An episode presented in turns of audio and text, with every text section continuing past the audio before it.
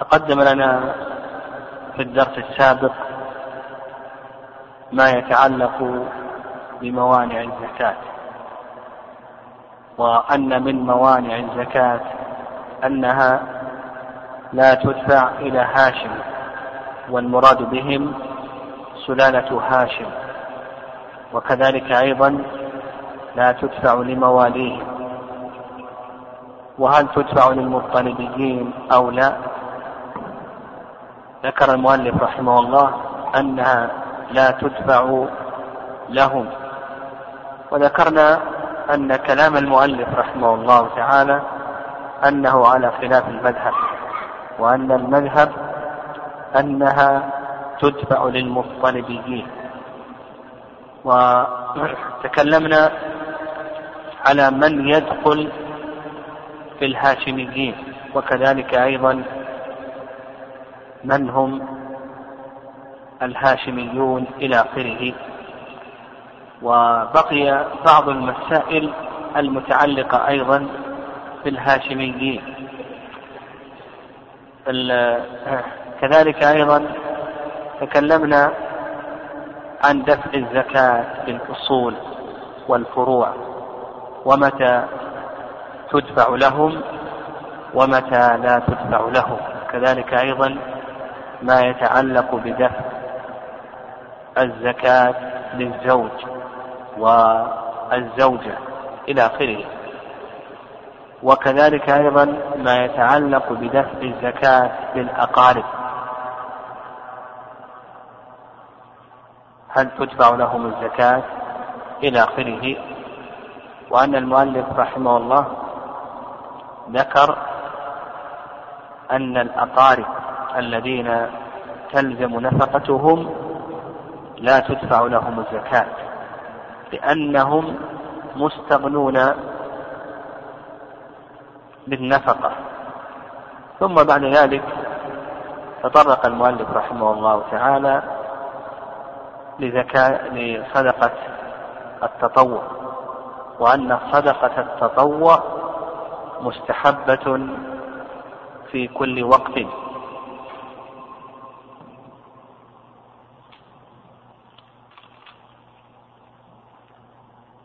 وأنها تتأكد في الأزمنة الفاضلة في الأمكنة الفاضلة وفي أحوال الحاجة. وذكرنا إذا تعارض شرف الحال مع شرف الزمان أو شرف المكان أيهما يقدم؟ وأن الذي يقدم هو شرف الحال. لأن الفضل المتعلق بذات العبادة أولى بالمراعاة من الفضل المتعلق بزمان العبادة أو مكانها. بالنسبة لبني هاشم تقدم أن الزكاة لا تتبع لهم لكن يستثنى من ذلك مسألتان. المسألة الأولى إذا منع بنو هاشم خمس الخمس هل يجوز أن يعطوا من الزكاة أو لا يجوز أن يعطوا من الزكاة؟ للعلماء رحمه الله في ذلك رأيان. الرأي الأول وبه قال أكثر أهل العلم أنهم لا يعطون من الزكاة. لعموم الأدلة السابقة. إنها لا تحل لمحمد ولا لآل محمد. والرأي الثاني في شيخ الإسلام تيمية رحمه الله أن بني هاشم إذا منعوا من خمس الخمس فإنهم يعطون من الزكاة. ولأن هذا موضع ضرورة وقد يضطرون إلى ذلك فيعطون من الزكاة.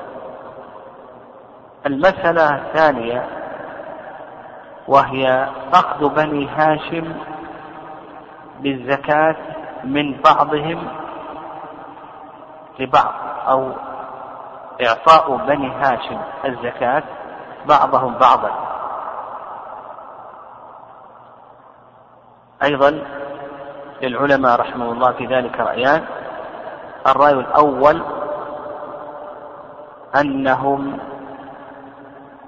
لا يجوز لهم أن يأخذوا الزكاة ولو كانت من الهاشميين. يعني الهاشمي لا يجوز له أن يعطي الزكاة لهاشمي آخر. وهذا قول أكثر أهل العلم للعمومات كما سلف. والرأي الثاني وهو اختيار شيخ الإسلام تيمية رحمه الله أن هذا جائز ولا بأس به. قال المؤلف رحمه الله تعالى وصدقة التطوع مستحبة. لما تكلم المؤلف رحمه الله عن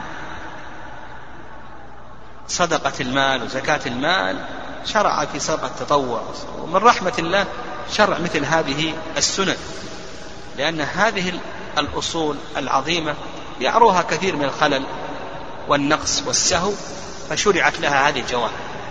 فصدقة التطوع هذه مع أن فضلها أن فضلها عظيم وأجرها كبير عند الله سبحانه وتعالى فهي أيضا تجبر الفرائض. قال مستحبة. نعم والأدلة على استحبابها أدلة كثيرة. قال وفي رمضان وأوقات الحاجة أفضل. يعني عندنا وقتان لصدقة التطوع. صدقة التطوع عندنا لها وقتان. الوقت الأول الوقت الأول وقت مطلق. و والوقت المطلق أنها مستحبة دائما.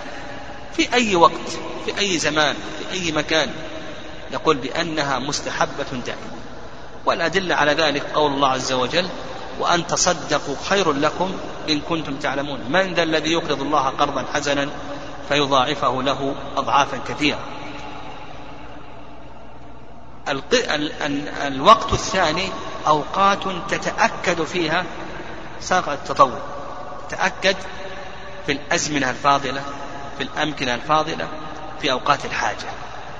في الأزمنة في الأمكنة في أوقات الحاجة.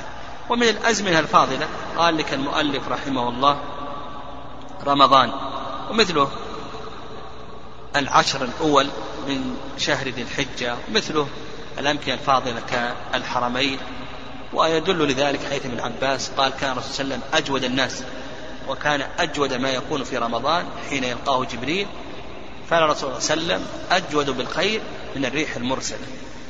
وأوقات الحاجة يعني أوقات الحاجة.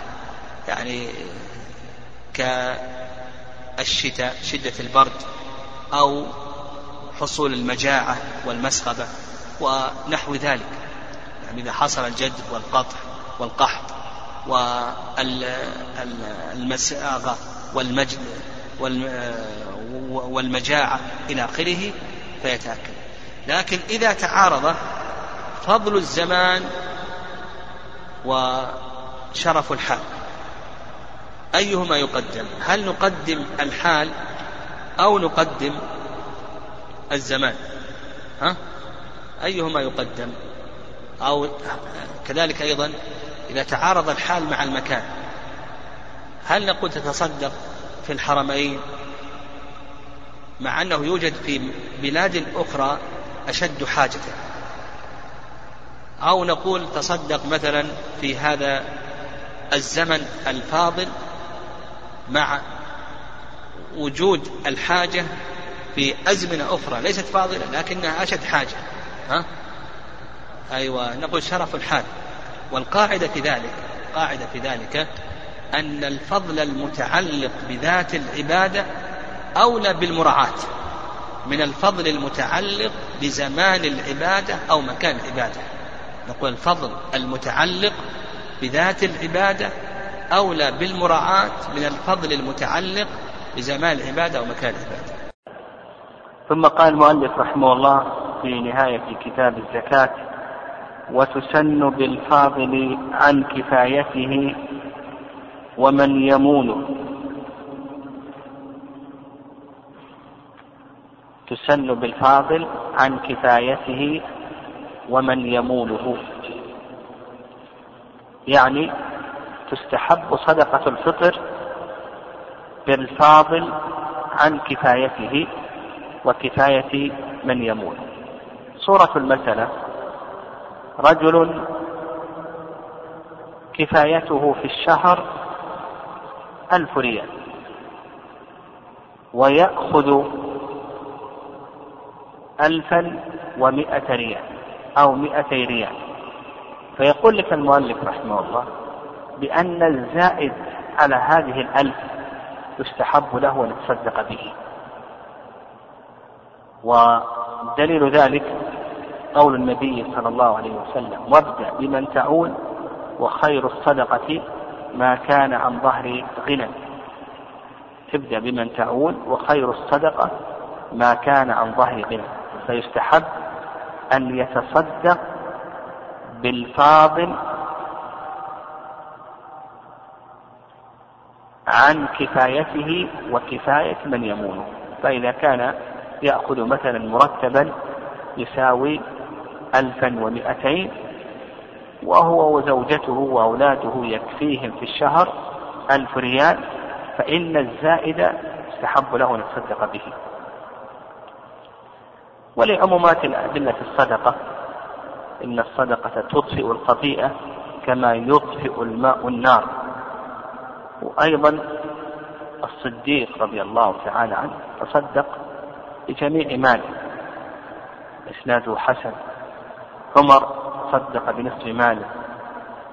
وعثمان جهز جيش العسرة. وأبو طلحة رضي الله تعالى عنه تصدق بأحب أمواله إليه. إلى آخره. الأدلة على هذا كثيرة. قال لك ويأثم بما ينقصها. في الصورة السابقة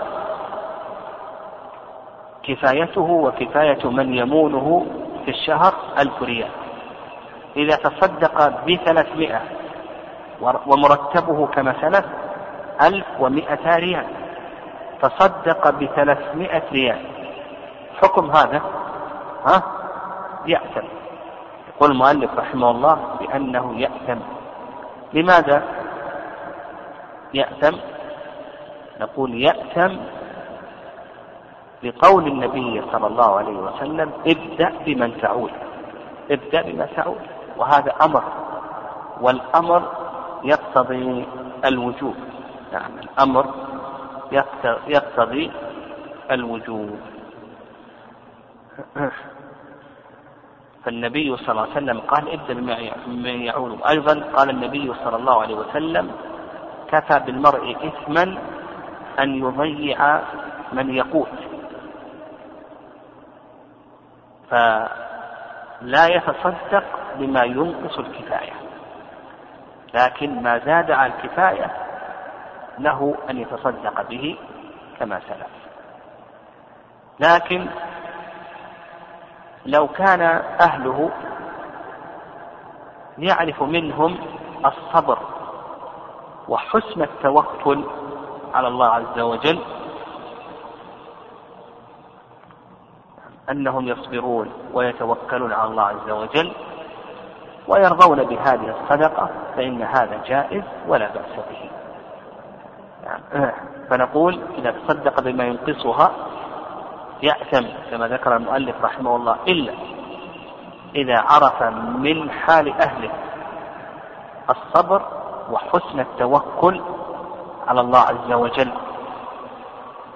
ولا يمانعون في ذلك فإن هذا جائز ولا بأس به.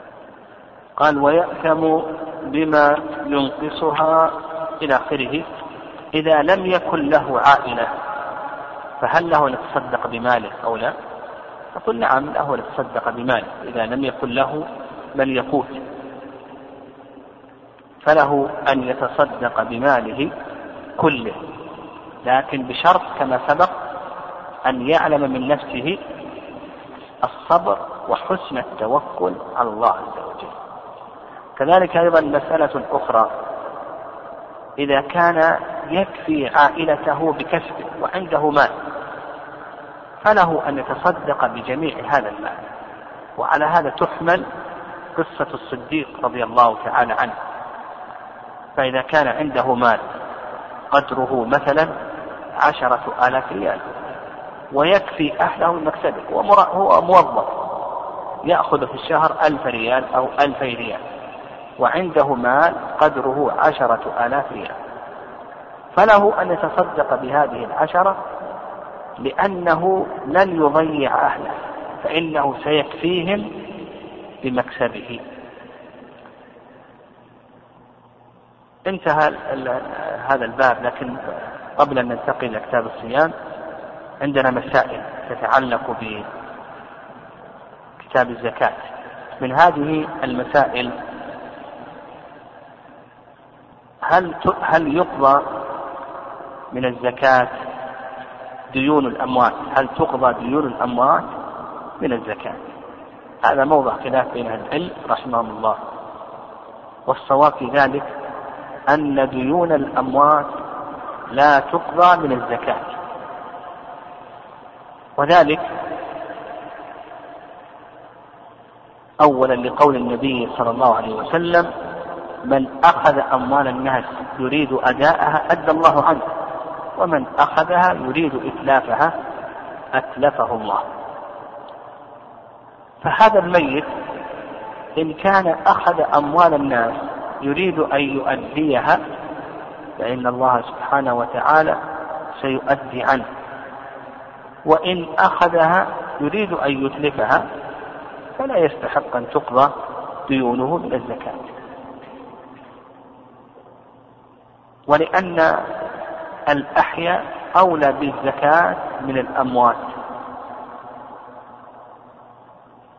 فالميت إن كان خلف تركة تؤخذ من تركته وإلا لا يلزم أحدا أن يسدد دين هذا الميت إلا من تركته. أيضا مسألة أخرى وهي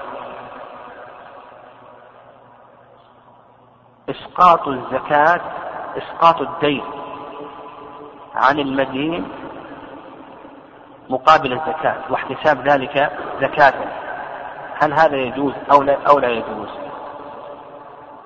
مثال ذلك أنت تريد من زيد خمسة آلاف ريال ووجب عليك زكاته قدرها ألف ريال فتقول للمدين أسقطت عنك ألف ريال وتحتسبه من أي شيء؟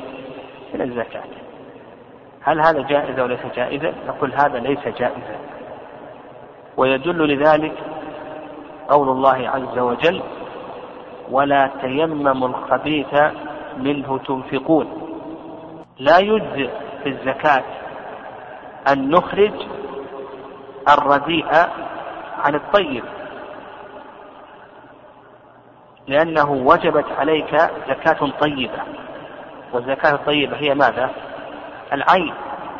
فرق بين العين الدراهم الحاضرة وبين الدين. لو خيرت رجلا قلت له هذه ألف ريال حاضرة تأخذها. أو ألف وخمسمائة دين. ماذا سيختار؟ هل سيختار الحاضرة أو يختار الدين؟ يذهب طالب صاحب الدين. الغالب أنه يختار الحاضر من باب أولى إذا قلت له هذه ألف ريال حاضرة وهذه ألف ريال دين من باب أولى أنه سيأخذ الألف الحاضرة. أنت وجبت عليك دين حاضرة زكاة حاضرة. يجب أن تعطيها الفقير. فأخرجت بدلا من هذا المال الحاضر أخرجت عنه دينا. وقد قال الله عز وجل ولا تيمموا الخبيث منه تنفقون فأنت أخرجت الردء عن الطيب. المسألة الأخيرة هل في المال حق سوى الزكاة؟ أو أنه لا تجب في المال إلا الزكاة. نعم. الرأي الأول في هذه المسألة قول جمهور العلماء رحمهم الله أن المال ليس فيه حق إلا الزكاة. ويدل لذلك حديث طلحة بن عبيد الله في قصة الرجل الذي جاء النبي صلى الله عليه وسلم وسأله عن شرائع الإسلام وذكر له الزكاة. فقال الرجل هل علي غيرها؟ قال النبي صلى الله عليه وسلم لا إلا أن تتطوع. حديث ابن عباس تأخبرهم أن الله افترض عليهم صدقة في أموالهم. تؤخذ من أغنيائهم وترد على فقرائهم. والرأي الثاني أن في الزكاة أن في المال حقا سوى الزكاة. وهذا قال به عطاء والشعبي والنخعي نعم عطاء والشعبي ومجاهد وابن حزم نعم ومجاهد وابن حزم. واستدلوا على ذلك بحديث أبي سعيد أن النبي صلى الله عليه وسلم قال من كان عنده فضل ظهر فليعد به على من لا ظهر له. من كان عنده فضل ظهر فليعد به على من لا ظهر له ومن كان عنده فضل زاد فليعد به على من لا زاد له. آه، ذكر عليه وسلم اصناف المال رواه مسلم في صحيحه. وأيضا قال الله عز وجل يقول وآت ذا القربى حقه والمسكين وابن السبيل إلى آخره. وقال شيخ الإسلام تيمية رحمه الله شيخ الإسلام يقول بأن إطعام الجائع وكسوة العاري هذه من فروض الكفايات. يعني من فروض الكفايات. يعني وهذا القول وسط. يعني كلام شيخ الإسلام أن إطعام الجائع إذا كان هناك جائع أو عاري كسوته إنسان محتاج إلى آخره لأن هذا من فروض الكفايات الذي يجب على يجب على عموم المسلمين.